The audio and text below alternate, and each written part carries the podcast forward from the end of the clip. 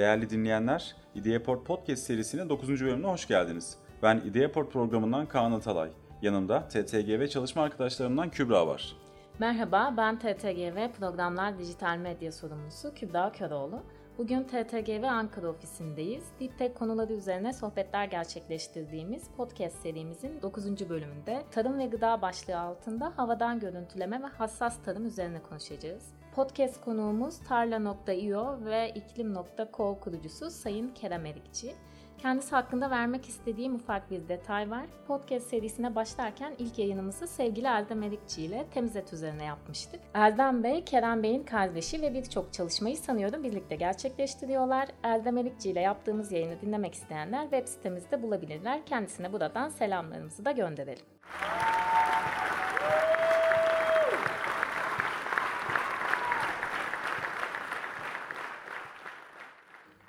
Podcast yayınımıza hoş geldiniz Kerem Bey. Sorularımıza geçmeden önce bize biraz kendinizden bahseder misiniz? Merhabalar, ismim Kerem Erikçi. Davetiniz için çok teşekkür ederim. Ee, bahsettiğiniz gibi yılın ilk e, podcastini kardeşimle yaptınız. Herhalde son podcast'i de benimle yapıyorsunuz.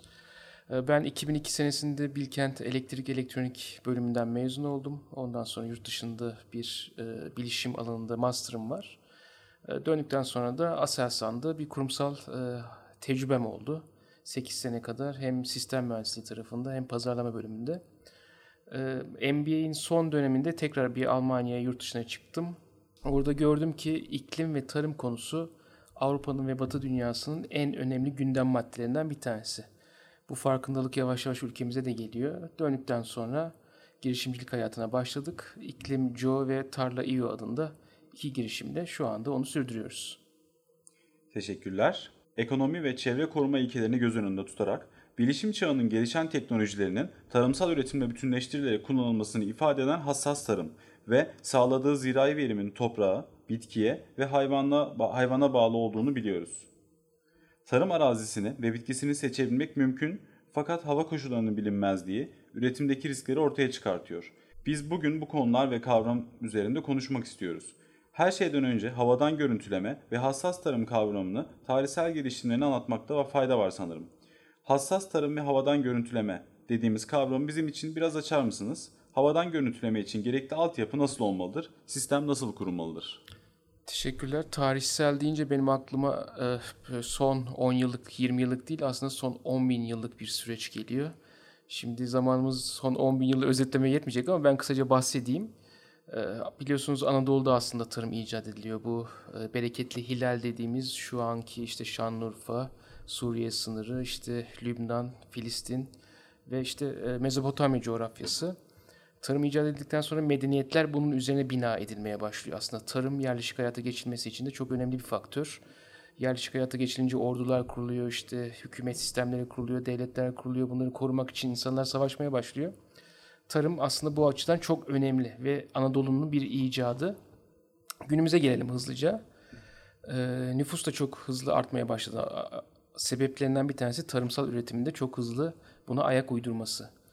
Ee, 1800'lü yıllarda e, endüstriyel devrim tarımdaki üretimin zıplaması için bir vesile oldu. Daha sonra işte İkinci Dünya Savaşı'ndaki gübre teknolojisi, sentetik gübrenin yapılabilmesi e, bunu destekledi.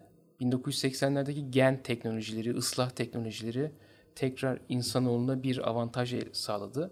Ama geldik gördük ki insan nüfusu şu anda 8 milyara dayanmış vaziyette ve gıdada e, başa baş gidiyor. Yani bu insan nüfusunu besleyebilmek için, artan protein ihtiyacını karşılayabilmek için yeni teknolojinin işin içine girmesi lazım.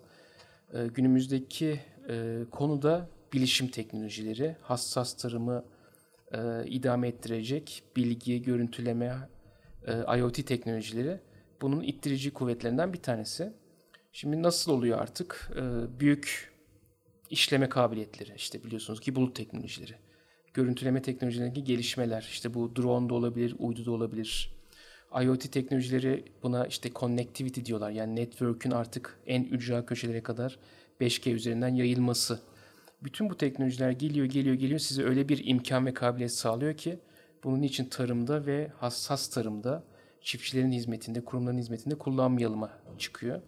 Burada da bizim yaptığımız şey tüm bu teknolojik nimetleri entegre ederek tarımsal üretimi çok daha mantıklı, hem dünya için mantıklı, hem çevre için mantıklı, hem insanlar için mantıklı hale getirmek. Tarla İO'nun aslında felsefesi bütün bu teknolojileri entegre etmek ve bu çıktıları çiftçilere sunmak. Peki tarımda havadan görüntüleme ile don, aşırı yağmur ve rüzgar gibi riskli faktörlerin önüne geçiliyor. Ee, bununla beraber çiftçinin havaya göre hareket etmesini sağlayarak tasarruf etmesi de sağlanmış oluyor. Sizce havadan görüntülemenin avantajları nelerdir ve farklı sektörler için uygulanabilir bir teknoloji midir? Şöyle e, havadan görüntüleme ya da cihazlar üzerinden görüntüleme ya da takip aslında her alanda, her endüstride yapılması gereken bir şey. İşte kontrol sistemleri diye herhalde konuştunuz burada e, Endüstri 4.0. Ee, ölçebildiğiniz şeyleri takip edebiliyorsunuz ve iyileştirebiliyorsunuz, optimize edebiliyorsunuz. Şimdi tarımda şöyle bir problem var. Bilgiyi kayıt altına almak çok büyük bir problem. Yani çiftçimiz yaptığı işleri bir yere yazması gerekiyor değil mi? İyi çiftçiler aslında bunu yapıyor. Defterleri var. İşte gübre attığında ya da ilaçlama yaptığında ya da sulama yaptığında bunu bir yere kaydediyor. Ve bu koşullar üzerine bazı hava hareketleri oluyor. İşte yağmur yağıyor, yağmıyor, kuraklık oluyor. Bunları takip ettikten sonra bir sonraki sene bunlara göre karar vermesi gerekiyor. Yani geçen sene ben azota eklemiştim tarlama. Bu sene eklemeyeyim.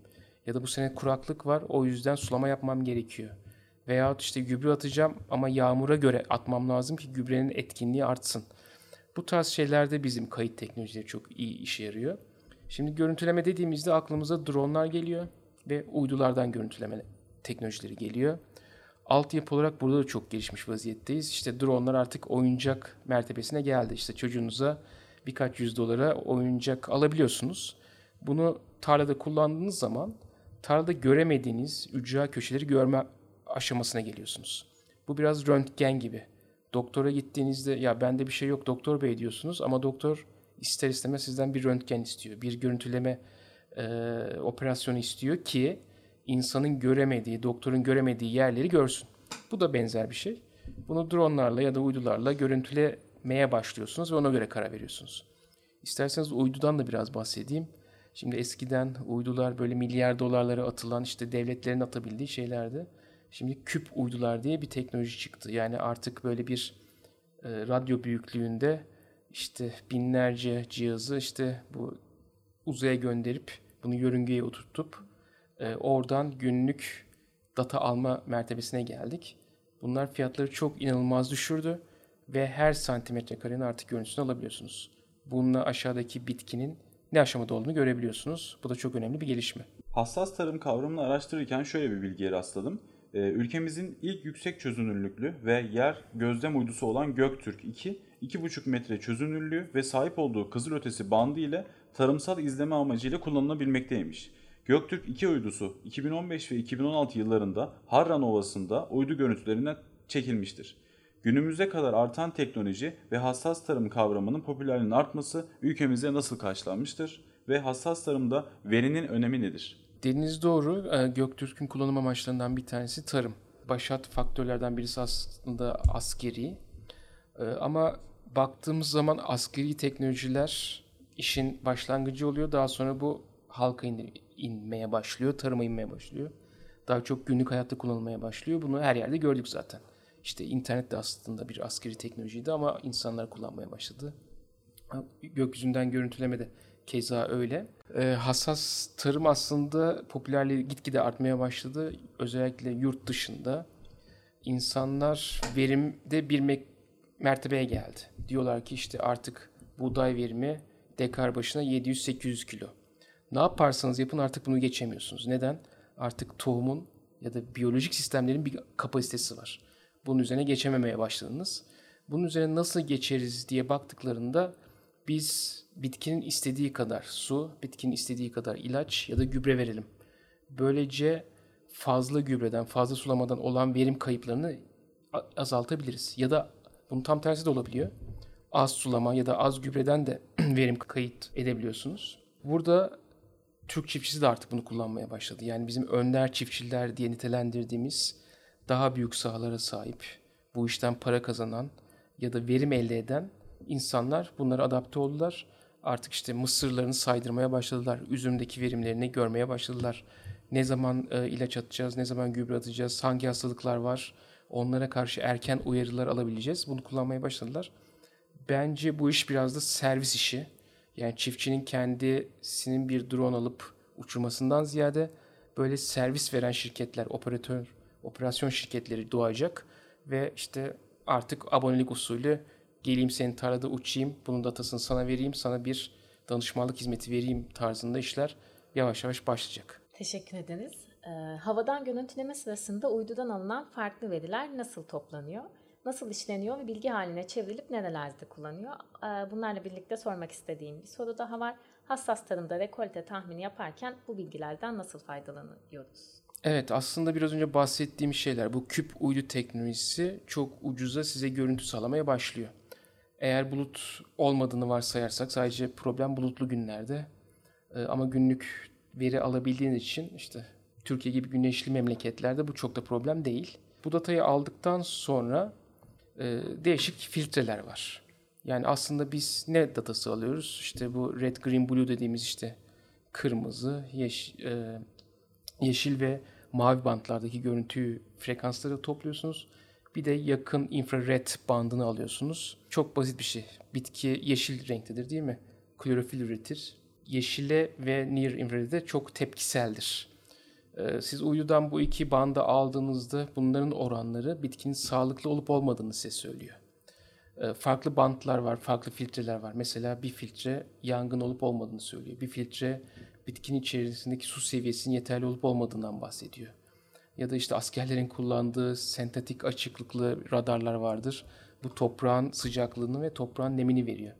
Bütün bu teknolojiler aslında çiftçinin nasıl davranması gerektiği ile alakalı e, hususları size anlatmaya başlıyor. Bu NDVI diye biraz e, sonra da konuşuruz zaten. İşte Normalized Differential Vegetation Index dediğimiz bir filtre var.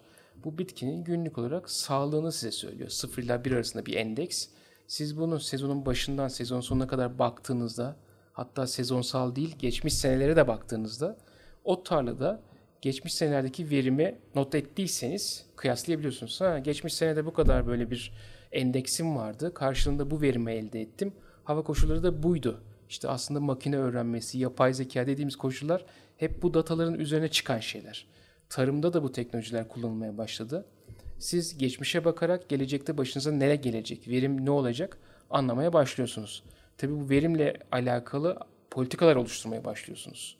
İşte ithalat kararları, ihracat kararları, satma kararları, depolama kararları bunların hepsi önden bilginiz olduğunca yapılabilen şeyler. Teşekkür ederiz. Çok güzel bir noktaya değindiniz. NDVI teknolojisi ile ilgili hemen ben de bir soru sormak istiyorum. Havadan görüntüleme ile tarlanın ekin yoğunluğunu, çeşidini, verimini, fenolojik ve evresini ve farklı analizler işlemleri tespit edilirken normalleştirilmiş bitki örtüsü farkı indeksi algoritması yani NDVI teknolojisini kullanıyoruz. Peki bu teknolojinin kullanım süreçleri nelerdir? Hem NDVI hem de hassas tarım veri için veri, veri için kullanılan dünyadan örnekler var mıdır? Tabii e, bu aslında genel geçer bir filtre. Yani insanlar bunu kullanıyor çünkü aslında bitkinin tepkiselliğini size söylüyor. Mesela bitkiyi suladığınızda e, bir anda bu skorlar değişmeye başlıyor. Mesela bazı bitkileri suladığınızda domates gibi bu suyu çok hızlı içine çeken ve yeşilliği artan diyelim. Bazı bitkilerde işte bir hafta sonra bunun tepkiselliği e, gözükmeye başlıyor. E, bir domates çiftçisi olsaydım bu işi kullanırdım. Neden? Domatesi suladığımda ertesi gün bu yeteri kadar sulamış mıyım? Yoksa daha sulamam gerekiyor mu? Bunu anlamış olurdum. Ama bir buğday çiftçisi normalde sulama yapmaz. Çorak araziye yapılır bu. Ama buğday çiftçisi de sezonu takip ederse sezon sonunda işte kış aylarında ekiyor, Ekim, Kasım, Aralık aylarında işte Mayıs, Haziran aylarında da hasatını yapıyor. Ne elde edebileceğini e, sezon ortasında görse ona göre kararlar verebilir. Yani ben hasatımı yapacağım, iyi bir para kazanacağım. E, veya tam tersi. Hasat çok kötü geçecek. Ben acaba başka alternatiflere bakmalı mıyım? Çok iyi bir verim olacaksa bence depolama karar vermesi bir çiftçi için çok daha makul. O zaman depo koşullarını araştırması lazım. Ya da işte sertifikalı e, depolara gidip rezervasyon yaptırması lazım. Yani sezon sonundaki kararlarını, alım satım e, kararlarını sezon ortasında yapan bir çiftçi genellikle para kazanan çiftçidir. O yüzden çiftçilerin bu tarz teknolojilere bakması gerekiyor ki bakanlar da var bizim müşterilerimizde. Bunlardan bazıları var mesela. Teşekkür ederiz. Ee, Birleşmiş Milletler Gıda ve Tarım Örgütü'ne göre küresel açlıkla birlikte 2050 yılına kadar küresel nüfus 9.1 milyara ulaşırsa dünyada gıda üretiminin %70 oranında artması gerektiği belirtiliyor. Ee, Bu açıklamaya istinaden BTK'nın da yayınladığı raporda gıda üretimindeki artışa uyum sağlayabilmek için tarımda 5G ile sistemlerin izlenmesi, takip edilmesi ve otonomlaşmasına imkan sağlayacak akıllı tarım uygulamalarının kullanımının oldukça önemli rol oynayacağı öngörülüyor. Ee, Aynı zamanda tarımsal IoT cihazları ürünle iletişime geçerek çiftçilerin her veriyi günlük ölçmelerini sağlayacak şekilde tasarlanıyor. Bu raporlar ve açıklamalar hakkında siz ne düşünüyorsunuz? Teşekkürler. Güzel bir soru. Ee, aslında dünya nüfusuna baktığınızda aynı grafiği bakterilerin yaşam döngüsü grafiği olarak da görüyorsunuz. Nedir? İşte bir yerde besin varsa bakteriler eksponansiyel, üstsel olarak büyümeye başlar, artmaya başlar. İşte 2 bakteri 4 olur, 4 8 olur, 8 16 olur. Lineer değil ama eksponansiyel. Şimdi nüfusa baktığınızda her sene bir Türkiye nüfusu kadar nüfus dünya üzerinde yer almaya başlıyor. Yani 80 milyon insan doğuyor her sene. Ee, işte 2050 senesinde 9 milyar, 10 milyar böyle projeksiyonlar var. Eğer bunlar her şey yolunda giderse, yolunda gitmezse bakteriler bir dakika sonra düz olarak devam ediyor hayatlarına. Yani artık üreyememeye başlıyorlar. Sonra bir yerden de çöküş başlıyor. Çünkü besin yok, nüfus çok fazla. İşte o zaman da gıda savaşları, su savaşları başlıyor. Hani bu dünyadaki insan nüfusu bakteri nüfusuna çok benziyor. Laboratuvardaki bakterinin artmasına çok benziyor. Bu projeksiyonlar doğru. Bunu 1700 senelerde Malthus diye bir papaz, matematikçi, bilim adamı diyelim İngiliz birisi de öngörüyor. Eğer e, insan nüfusu böyle hızlı giderse ve gıda artışı da lineer giderse bir yerde bir çakışma olacak ve artık gıda insan nüfusunu besleyemeyecek. Ve de bu neyin neticesi? Sebebi savaşların sebebi. İşte bugün Arap Baharı dediğimiz zaman demokrasi ihtiyacından ziyade gıda fiyatlarının artışı artık orada problem olmaya başlıyor. Ya da Suriye'deki iç savaş aslında insanların 5 yıllık kuraklık neticesinde buğday veriminin inanılmaz düşüşünden kaynaklı. Yani bunlar aslında sebep sonuç ilişkileri olarak da değerlendirebilirsiniz.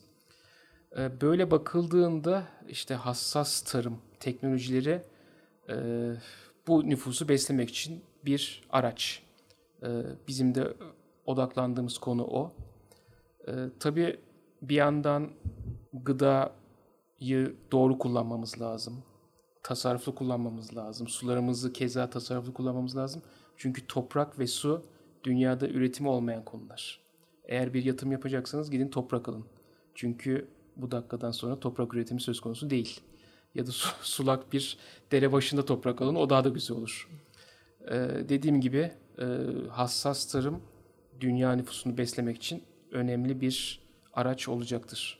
Diğer soruya geçmeden şunu merak ediyorum. Sizce hassas tarım gıda üretiminin yüzde kaçını karşılayabilir önümüzdeki yıllar içerisinde? 2050 yılı içerisinde yüzde kaçının gıda üretiminin kaçını karşılayabilir? Bir yüzde olarak vermek çok zor ama işte konvansiyonel tarım var. Yani işte kara düzen yapılan küçük bahçelerinizde, küçük tarlalarınızda işte eğer köyünüzden çıkmadıysanız size çiftçi diyorlar. Aslında çiftçi değilsiniz. Siz orada yerleşik insanlarsınız. Çiftçilik çok profesyonel bir şey. Dünyada şöyle bir istatistik var. 580 milyon çiftçi işletmesi var. Aslında çiftçi var ya da çift, tarım ailesi var diyelim. Bunların 500 milyonu küçük çiftçiler. Bu 500 milyon küçük çiftçi aslında dünyanın %80'ini besliyor. Şimdi bu 500 milyon küçük çiftçinin bu tarımsal teknolojiye erişmesi zor. Ama geri kalan 80 milyonluk bir kitle var ki bunlar profesyonel insanlar. İşte Amerika'daki çiftçiler mesela profesyoneldir. Toplumun yüzde biri çiftçidir ama onlar büyük çiftçilerdir. E, Bunlar adapte olmuş vaziyetteler. İşte drone'dur, uydudur, IoT'dir. E, Bunlar da şu anda dünyanın yüzde yirmisini besliyorlar. Bu tam tersine dönmeye başlıyor. Küçük çiftçiler artık piyasadan çekilmeye başlıyor eğer teknoloji kullanamazsa veya tarlalarını büyütemezlerse. Dediğim gibi ileride bu teknolojiyi kullanan %20'lik bir çiftçi kitlesi diyelim. Dünyanın %50'sini, %60'ını, %70'ini beslemeye başlayacaklar. Dünyada trend bu yönde. e, Türkiye gibi gelişen ülkeler, işte 3. dünya ülkeleri de küçük çiftçilerin piyasadan çıkıp artık yerine büyük şirketlerin girdiği, teknolojinin girdiği yapılara doğru evrilmeye başlıyor. E, ister istemez bunu yapılması lazım çünkü işte her yerde bu var. Yani endüstride de bunu gördük. Perakendicilerde de bunu gördük. Artık bakkallardan bahsedebiliyor muyuz? Bakkallar artık yok. Kocaman kocaman AVM'ler, büyük büyük e, dükkanlar var, süpermarketler var. Bu bütün endüstrilerde olduğu gibi tarımda da olacağı düşünülebilir.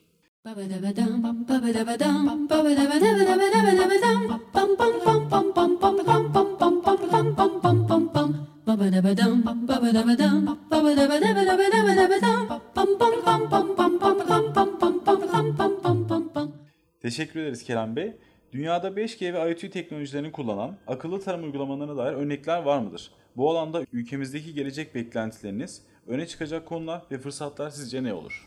Dünyada örnekler var. Ee, hatta dünyada kendi network'ünü kuran ülkeler de var. Yani bu normalde GSM hatları üzerinden işte basit e, verileri alabilirseniz tarladan bu işi çözmüş oluyorsunuz. Ama problem şu ki işte şu anda 4G, 4.5G diye isimlendirdiğimiz network insanların yaşadığı %99 alanı kapsıyor ama tarlaların çok çok çok az bir kısmını kapsıyor. Belki %3, belki %5. Ee, yani insanlar tarlalardan uzak yaşıyor. Buradan o çıkıyor. Şehirleri networkle kapsadığınız iyi bir şey. Konuşabiliyorsunuz, haberleşebiliyorsunuz. Ama tarladaki bitkinin ne alemde olduğunu şu andaki networkle çok da iyi göremiyorsunuz. Hani olur ya işte bizim köyde caminin minaresine çıktık orada çekiyor abi muhabbeti aynı o aslında. Ee, şimdi 5G ile bu tam tersine dönecek. Ee, her yer kapsam alanı içine girecek. Ee, bunu başlatan ülkeler var. Böyle olunca her noktadan, her işte konumdan data alabileceksiniz. Bu datayı alabilmek için cihazlar milyonlarca, milyarlarca adet sahada olacak. At unut cihazlar ortaya çıkacak ve, ve de bu fiyatları inanılmaz düşürecek. Şu anda işte tarlaya koyduğunuz bir sensör birkaç yüz dolarlardan başlarken belki birkaç dolarları oradan data alma kapasitesine erişeceksiniz. Zaten teknoloji böyle gelişiyor. İşte biraz önce bahsettik. Uydular birkaç milyar dolar idi. Bunu sadece NASA yapabiliyordu, ESA yapabiliyordu. Artık birkaç dolarlara istediğiniz santimetre karenin görüntüsünü alma mertebesine geldiniz. Bu aynı şey 5G'den sonra da olacak. O zaman ne olacak? Bu biraz biz beyine benzetiyoruz. Beyinde işte hücreler vardır. Bu hücrelerin arasında da işte dendritler vardır değil mi? Arada elektrik akımları vardır. Eğer o hücrelerden o elektrik akımını almazsanız siz aslında aptalsınız değil mi? Ee, o tarlalardan o datayı almazsanız orayla alakalı bir karar, bir bilinç oluşturamıyorsunuz. Bizim öngörümüz 5G'den sonra bu iş e, eksponansiyel ucuzlayacak. At, unut şeklinde sensörler tarlalara konabilecek. Taradan birkaç tane parametre almanız lazım. Toprağın sıcaklığı, toprağın nemi, bitkinin üzerindeki ıslaklık, nem gibi. Bunları aldıktan sonra e, her bitki artık dile gelecek. Nedir bu her bitkinin dile gelmesi? Diyecek ki bitki, bitki bireysel olarak ya benim şu kadar gram suya ihtiyacım var. Ya bana çok güneş geldi artık yanacağım. İşte bana biraz daha işte nem uygula ya da işte benim üzerimde bir böcek yürüyor. Bana ilaç atsam fena da olmaz işte gibi olmaya başlayacak. Hani tıpta da konuşuyoruz artık bireysel tıp işte herkese özel ilaçlar yapılacak ya. İşte her bitkiye özel ilaçlar, her bitkiye özel gübreleme konusunda e, gelişmeler olacak. Bu datayı traktöre verdiğinizde traktör aslında kendi karar verecek. Sahada ilerlerken ya burada böcek yok ben buraya ilaç atmayayım da biraz ileriye atayım. Ya da işte burada azot çok fazla buraya atmayayım da ileriye biraz atsam daha iyi olacak tarzında. E, işte orada yapay zeka da işin içine giriyor. İlaçlama %95 oranında mesela düşmeye başlayacak. Gübreleme çok daha efektif olmaya başlayacak. Hatta işte GPS teknolojisiyle beraber çiftçi traktörün üzerine binmeyecek. Yani o şu anda kendi kendine giden arabalardan bahsediyoruz. İşte Tesla'nın yaptığı işlerden bahsediyoruz. Bunu en kolay uygulayabileceğiniz yerler tarlalar. Kendi kendine giden otonom traktörler bu veriyle beslendiği anda muhteşem bir optimizasyona kavuşacak. Çok daha az gübre, çok daha az ilaç ama çok daha fazla ürün. Çünkü bitkiler artık dile gelebilecek, e, traktörlerle konuşabilecek. Aslında endüstrinin yaptığı şeyleri biz kırsala götürebileceğiz bu teknolojilerin artmasıyla, 5G'nin artmasıyla. Bir tane reklam vardı çok güzel, hoşuma gidiyor. E, 4G'de bir kaleci koymuşlar. E, bir futbolcu topa vuruyor. Topa vurduğu sinyali işte otomatik kaleciye gidiyor. 4G'de işte birkaç saniyede gidiyor. Gol oluyor. Kaleci ondan sonra zıplıyor. Ama 5G'de tam tersi. Anında o sinyal gittiği için robot zıplıyor ve topu kurtarıyor. İşte böyle olacak. Yani tarlada da traktörlere bu e, milimetrik e, hassasiyette GPS sinyalleri işte veriler gittiği anda çok daha verimli e, tarım ve üretim olmaya başlayacak. Tabii bunun için e, biraz yatırım gerekiyor. İlk başta bu yatırımı karşılayacak ülkeler genellikle Batı dünyası. Çünkü buna kafa yoruyorlar. Baktığın zaman traktör firmanın argesi işte bizim yıllık argemize falan yani günlük argeleri bizim yıllık argemize denk geliyor. Bunlarla nasıl mücadele edeceğiz onu biraz kafa yoruyoruz. O yüzden çok etkin işler yapmamız lazım Türkiye'de ve e, parayı çarçur etmeden olması gereken gibi harcamamız lazım. Çünkü gıda hem stratejik bir konu e, hem de çok e, önemli e, sosyal boyutu olan da bir konu. E, 5G ile beraber bunlar da hızlanarak artacak. Evet, teşekkür ederiz. Anladığım kadarıyla tarımda dijitalleşmeye doğru yol alıyoruz herhalde ülke olarak. Topraklarımızın veriminin artmasını sağlayacak, daha iyi bir verim elde edecek bir teknolojiye doğru gidiyoruz. Umarım e, çiftçilerimiz ve ülkemizde buna alışabilir. Profesyonel çiftçilik kavramı gerçekten sizin söylediğiniz gibi ortaya çıkmış olacak. E, evet, son sorumuza geldiğimiz gelelim isterseniz Kerem Bey. Permakültür kavramı e, araştırmalarımız içerisinde karşımıza çıktı. Permakültür sürdürülebilir insan yerleşimlerini kurgulayabildiğimiz, sağlayan bütünsel bir tasarım bilimi olarak geçiyor. Permakültür kavramı çerçevesinde agritech e, kavramı son günlerde popülerliğini arttırmaya devam ediyor. Şu anda bir yatırımcı olarak 500 bin dolar yatırım yapacak olsanız hangi alanlarda çalışan startuplara yatırım yapardınız? Aslında kendime yatırım yapardım demeyeyim. Şöyle gıda üretimi çok önemli bir problem önümüzdeki yıllarda. Artan nüfus ve kısıtlı kaynaklar göz önüne alındığında. Bir de insanlar zenginleşiyor. Mesela Çin zengin bir ülke olarak karşımıza çıkmaya başlıyor. Oradaki talep de artmaya başlıyor. Yani insanlar artık et yemek istiyorum diyor. Düşünsenize milyar adet insanın bir anda ben geçen sene bir tane hamburger yedim. Bu sene 10 tane hamburger yiyeceğim demesini. Ben gıda alanında inovatif o derin teknoloji startuplarına yatırım yapardım.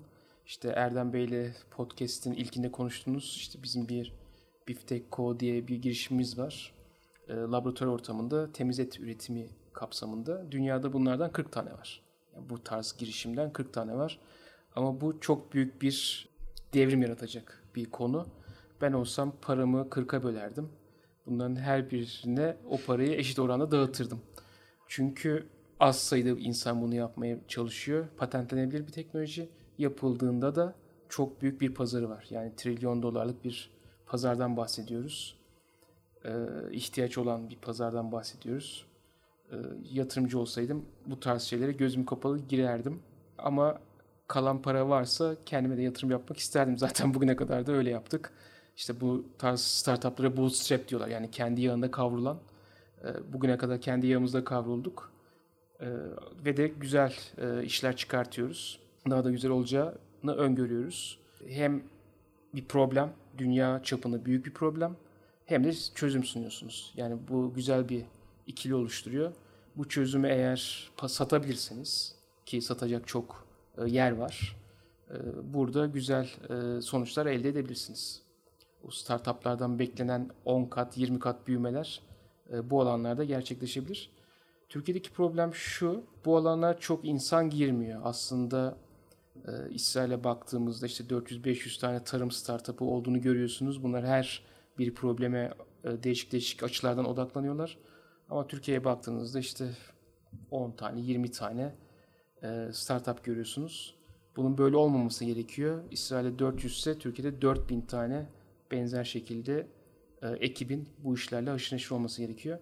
Herhalde biz e, kırsaldan çok koptuk. Yani şehirlerde işte %70, %80 nüfus birikince yani okulların, elektronik fakültelerin, bilgisayar bölümlerinin, ziraat bölümlerinin dönem ödevlerine bakıyorsunuz ya da bitirme projelerine bakıyorsunuz. Hep şehir problemlerine odaklanmış vaziyette insanlar. biraz insanların dışarı çıkıp şehirlerden kendilerini biraz izole edip gerçekten dünyevi ya da dünya problemlerine, insanlık problemlerine bakması gerekiyor. Orada da büyük sorunlar çözüm bekliyorlar. Yani büyük sorun varsa büyük alıcısı vardır. Bununla ürettiğiniz bir çözüm sizi e, iyi yerlere getirebilir diye öngörüyoruz.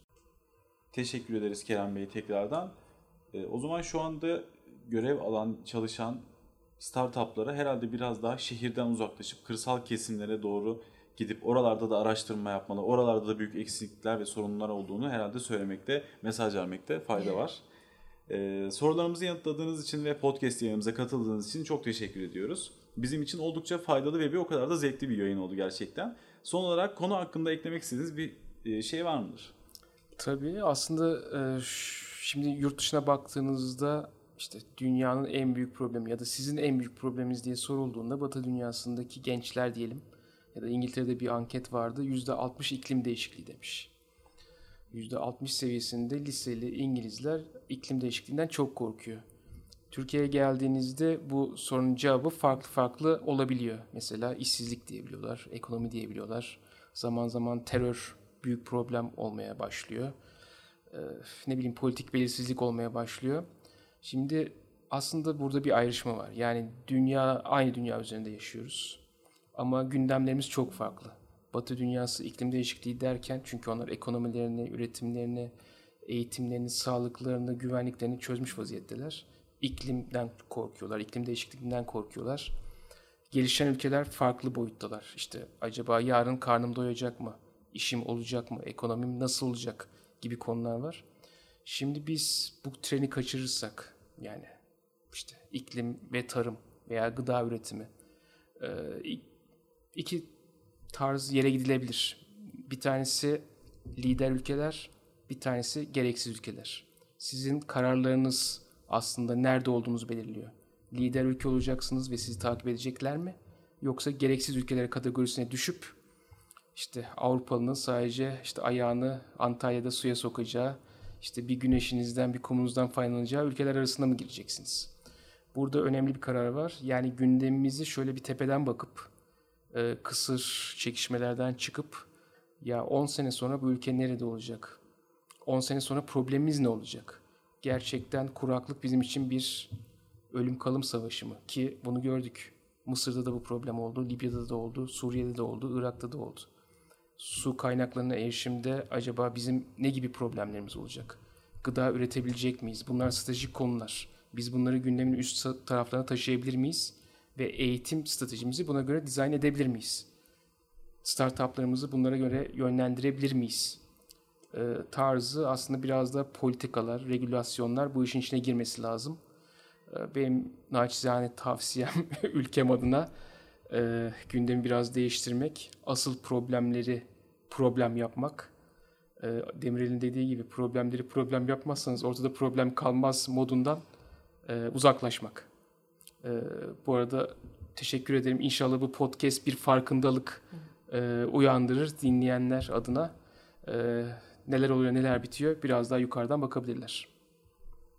Çok teşekkür ederiz Kerem Bey. Bizimle gerçekten çok değerli bilgiler paylaştınız. Ee, tarım ve gıda başlığı altında havadan görüntüleme ve hassas tarım üzerine konuştuğumuz podcast yayınımızı tamamladık. Burada konuştuğumuz bilgileri derleyip infografik haline getirerek web sitemizde ve sosyal medyada paylaşacağımızı da hatırlatmak isteriz. Videoport alt TTG ve hesabımız aracılığıyla bizi takip edebileceğinizi unutmayın. Bir sonraki podcast yayınında görüşmek üzere. Görüşmek üzere, hoşçakalın.